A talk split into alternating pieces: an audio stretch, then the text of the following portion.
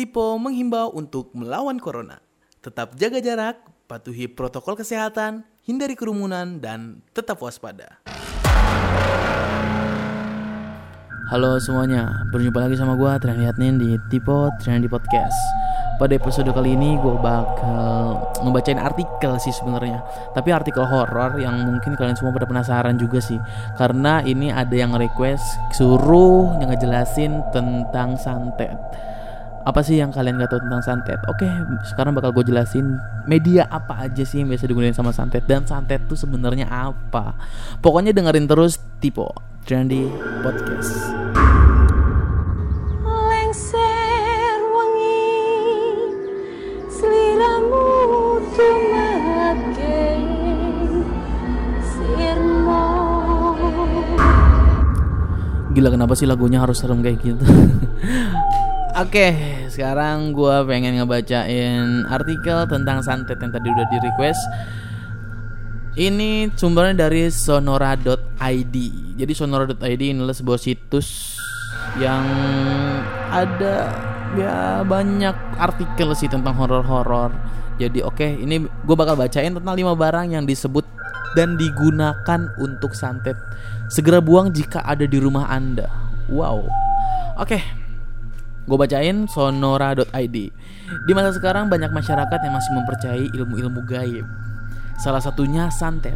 Santet atau sihir adalah sebuah praktik ilmu hitam Yang memanfaatkan keterlibatan jin di dalamnya. Jadi santet itu eh, Dia tuh praktik ilmu hitam ya. Jadi kalau misalkan ada yang ngomong kalau santet itu baik No, santet itu nggak baik sama sekali. Dan di sini dia melibatkan jin di dalamnya. Oke, biasanya pelaku santet akan terlibat suatu perjanjian. Nih, ini kuncinya. Karena orang yang nyantet biasanya dia akan ada yang namanya tumbal. Gila tumbal. Bayangin aja kalau misalkan kita mau nyantet orang, kita harus pakai tumbal. Tumbalnya tuh apa ya? Gua nggak tahu tumbalnya apa serius. Dan biasanya yang melakuin ini tuh dukun. Dan dukun ini biasanya yang melihara jin. Oh, jadinya tuh si dukun ini tuh punya jin dan kalau kita mau nyantet orang nanti jin yang dukun pelihara ini bakal dikasih ke orang itu yang bakal kita santet. Jangan sampai ya teman-teman ya. Santet menyerang pada seseorang individu atau kelompok yang berasal dari orang lain yang tidak menyukainya bahkan sebaliknya. Jadi kalau jadi tuh santet tuh bukan cuman buat misalkan bukan gua buat eh, ngebunuh lu enggak tapi ada beberapa juga nyantet yang misalkan wah dia kayaknya nggak suka sama gua dan akhirnya gue bikin lu suka sama gua dengan cara gue nyantet lu. Gitu. Jadi di sini tuh bisa bikin orang celaka dan di sini juga bisa membuat orang itu yang tadinya nggak jatuh hati bisa jatuh cinta. Semati matinya tuh jatuh cinta kalau santet ya karena pengaruh dari jin tersebut. Oke gue di sini bakal ngebacain uh, benda-benda yang biasa digunakan oleh santet apa aja sih barang-barang yang digunain? Dan kalau misalkan ini ada di rumah kalian atau di tempat usaha kalian atau apa pun itu itu bisa langsung dibuang atau bisa ya bisa lu bisa ng- manggil ustadz lah. Di sini yang pertama ada tanah kuburan. Tanah kuburan ini biasa digunakan sebagai perantara pelancar santet. Pada beberapa kasus tanah kuburan biasanya dibungkus menggunakan potongan kain kafan dan dikirim pada malam hari pada proses pengiriman santet jenis ini biasanya terlihat seperti bola api besar atau sering disebut juga dengan banaspati. Oke, kalau misalkan ini eh, katanya ini yang sering banget dilihat sama orang-orang. Kalau semisal ada loh eh, cerita dari beberapa teman gua kalau dia tuh sering lihat kayak bola api gitu. Dan mungkin ini salah satu eh, yang dikirim ya. Jadi dikirim jadi tuh ngirim tanah kuburan gitu loh. Ya whatever. Gua nggak tahu karena gua nggak pernah ngeliat Pokoknya ini yang pertama dari tanah kuburan. Efek dari santet jenis ini biasanya ditunjukkan agar merusak rumah tangga seseorang. Wow guys.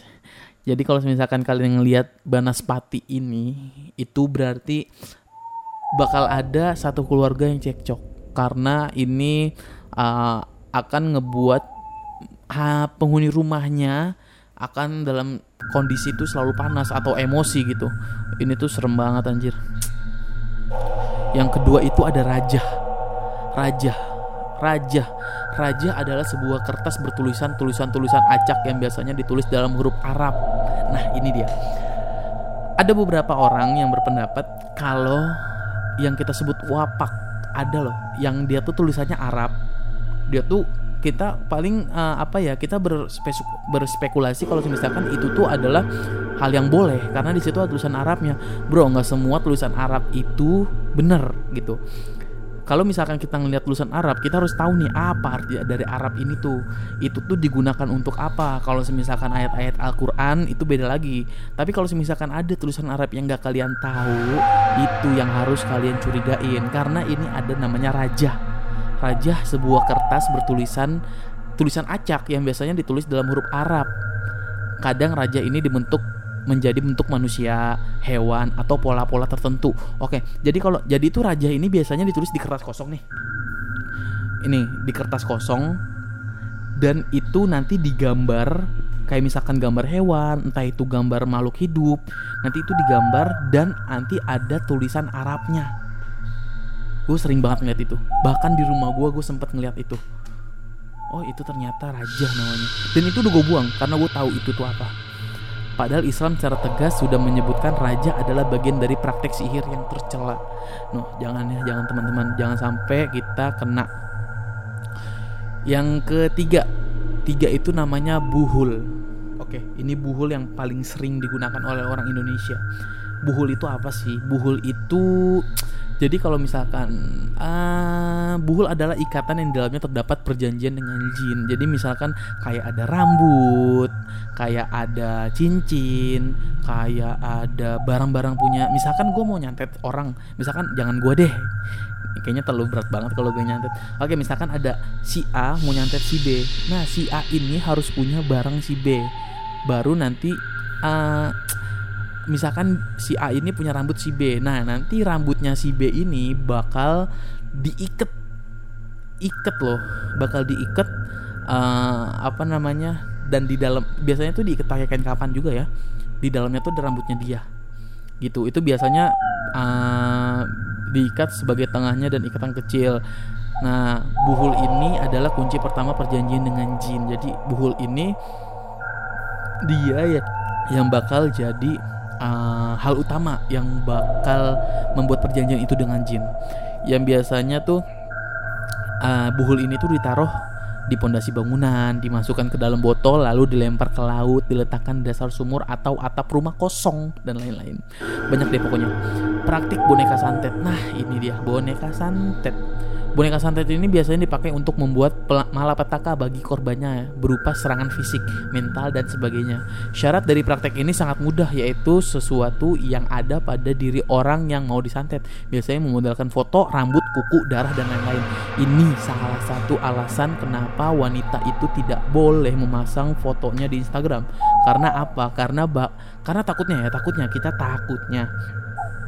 Dan gue juga uh, itu sih gue juga nggak melarang apa apa sih sebenarnya. Dan ini karena ini yang gue pelajari. Salah satu alasannya karena takut ini. Karena salah satu malah karena salah satu media itu adalah foto. Foto itu bisa uh, ngebuat kita jadi apa ya takutnya disalahgunakan oleh orang lain. Ada orang yang suka sama kita tapi kita nggak suka sama orang itu nanti orang itu nyantet kita. I don't know. Oke. okay. Dan yang terakhir yang kelima itu binatang melata atau serangga.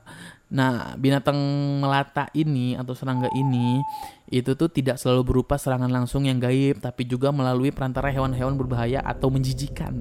Hewan berbahaya atau menjijikan. Ingat kata kuncinya ya, berbahaya dan menjijikan. Eh, atau berbahaya atau menjijikan. Biasanya kemunculannya tidak wajar dan masif. Tuh, kalau misalkan ada hewan yang menjijikan, yang berbahaya itu munculnya nggak pada tempatnya. Nah itu berarti kita harus waspada. Takutnya itu adalah santet. Biasanya hewan-hewan dikirim berupa ular, kalajengking, kelabang, cacing dan sebagainya. Hewan-hewan ini muncul secara rutin di dalam rumah. Umumnya binatang-binatang ini muncul di kamar tidur atau kamar mandi.